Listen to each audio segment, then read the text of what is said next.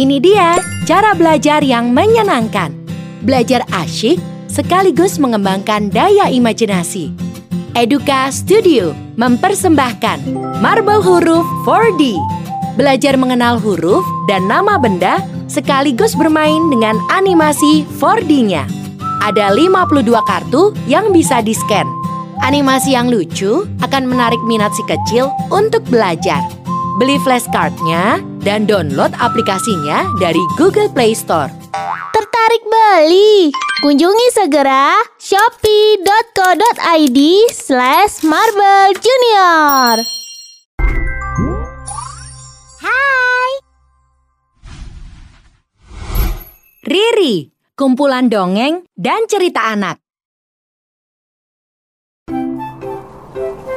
Legenda Keong Mas Dikisahkan di kerajaan Daha Dipimpin oleh seorang raja yang bijak bernama Raja Kertamarta. Raja mempunyai dua orang putri yang cantik-cantik. Putri pertamanya bernama Dewi Galuh Sedangkan saudaranya bernama Chandra Kirana. Berbeda dengan Dewi Galuh Chandra Kirana sudah mempunyai tunangan. Sang tunangan merupakan putra mahkota dari Kahuripan yang bernama Raden Inu Kertapati. Suatu hari, ia berkunjung ke kerajaan Daha. Selamat pagi Raja Kertamarta. Oh, Raden Inu, calon anakku. Hahaha. Kemarilah, mari masuk. Ah, di sana rupanya calon istrimu, Chandra Kirana. Dia sedang bersama dengan Dewi Galuh. Selamat pagi Chandra Kirana. Selamat pagi Dewi Galuh. Selamat pagi Pangeran Inu. Uh, aku mau ke kamar saja. Uh, kenapa? Kenapa selalu Chandra Kirana yang memperoleh keuntungan? Akan kusingkirkan kau, Chandra Kirana. Rasa dengki Dewi Galuh terhadap Chandra Kirana membuatnya gelap mata. Ia pun pergi ke tempat nenek sihir untuk membantunya menyingkirkan Chandra Kirana. Apa yang membuat putri kerajaan datang kemari di malam-malam begini? Aku punya permintaan. Bantu aku melenyapkan Chandra Kirana. Akan kuberi emas sebanyak yang kau mau.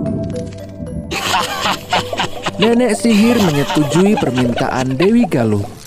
Ia mau bekerja sama dengan Dewi Galuh dengan imbalan sejumlah emas.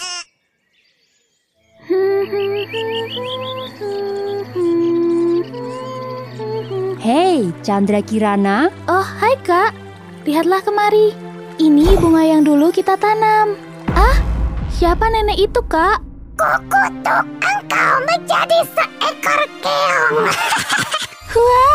Tiba-tiba, sekujur tubuh Chandra Kirana diliputi asap tebal. Ketika asap menghilang, terlihat Chandra Kirana telah berubah menjadi seekor keong mas. kutukan ini akan hilang jika kau bertemu tunanganmu. Sebelum itu terjadi, kuenyahkan dulu kau. Akan kuceritakan pada ayah kalau kau telah menghilang. Wah! Kenapa kakak begitu jahat padaku?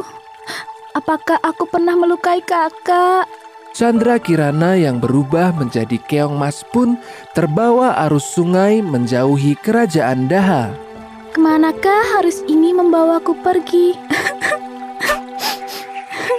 ah, apa ini? Wow, keong berwarna emas. Belum pernah aku melihat keong seperti ini. Ternyata jaring tersebut milik seorang nenek tua yang sedang mencari ikan. Sang nenek membawa keong mas pulang ke rumahnya. Ia merawat keong mas ke dalam sebuah tempayan. Tanpa sepengetahuan sang nenek, di pagi hari keong mas berubah menjadi wujud manusia kembali hingga di siang hari. Terasa hari sudah siang. Aku belum menyiapkan makan untuk nanti sore. Sang nenek pun pulang ke rumah. Betapa terkejutnya ia karena di meja sudah terhampar berbagai masakan yang enak-enak. Hah? Siapakah yang memasak semua ini? Siapa yang menyiapkannya untukku? Paginya, sang nenek kembali ke danau untuk mencari ikan. Lagi-lagi, ketika sang nenek pulang, berbagai masakan telah tersaji di meja makan. Penasaran, sang nenek pun memutuskan untuk pulang lebih awal dari biasanya keesokan harinya. Ia pun mengendap-endap memasuki dapur. Terdengar suara seseorang sedang memasak. Sang nenek terkejut melihat seorang gadis cantik sedang memasak di dapurnya. Siapakah engkau, wahai gadis cantik? Chandra Kirana pun menceritakan semua kepada sang nenek. Ia juga bercerita kalau kutukannya akan hilang sepenuhnya jika ia bertemu dengan tunangannya Raden Inu. Entah kapan kutukan ini akan berakhir, Nek. Sabarlah nak Kirana. Berdoalah terus. Suatu saat doamu pasti akan terkabul. Sementara itu, di kerajaan Daha, Raden Inu berniat untuk mencari tunangannya. Ia berpura-pura menjadi seorang rakyat jelata. Tenanglah Raja, akan kucari Chandra Kirana ke seluruh pelosok negeri hingga ketemu. Mendengar Raden Inu berniat mencari Chandra Kirana, Dewi Galuh memberitahukan hal tersebut kepada nenek sihir. Sang nenek sihir berubah menjadi seekor gagak hitam. Ia terbang mencari Raden Inu. Raden Inu yang dalam perjalanan mencari tunangannya tiba-tiba dikejutkan datangnya gagak yang bisa berbicara. Ke kiri, ke kiri, ikuti aku. Hah? Gagak itu bisa berbicara? Mungkin ia bisa menjadi petunjukku untuk bertemu dengan Chandra Kirana. Raden Inu pun mengejar gagak tersebut. Tanpa sepengetahuan Raden Inu, sang gagak jelmaan nenek sihir sebenarnya justru menjerumuskan Raden Inu ke arah yang salah. Di perjalanannya, langkahnya terhenti ketika melihat sang kakek tua yang bersandar di pohon. Ia terlihat lemas. Kek, apakah kau baik-baik saja? Kau terlihat begitu pucat. Aku sudah tidak makan berhari-hari anak muda.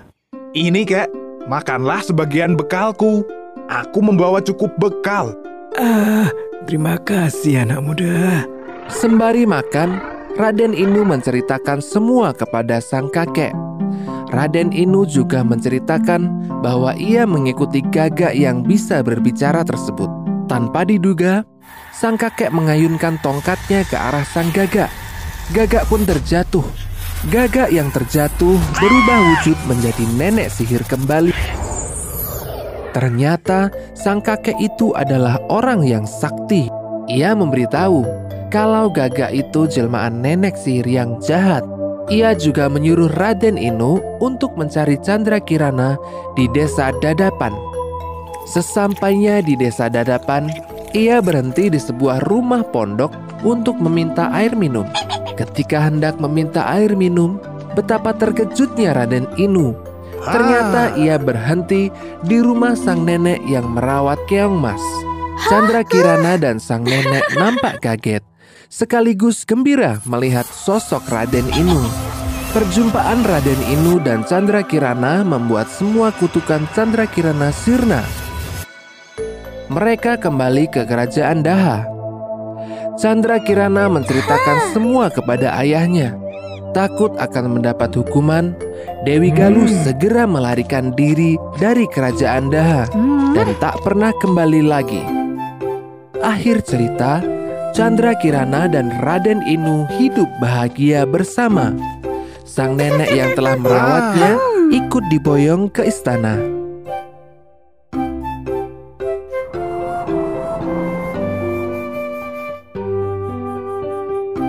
Nasihat dari cerita ini adalah sifat iri dan dengki bisa memperkeruh pikiran kita. Hilangkan sifat iri dan dengki dengan selalu bersyukur dan berpikir positif. Yuk dukung Riri dengan menekan tombol subscribe.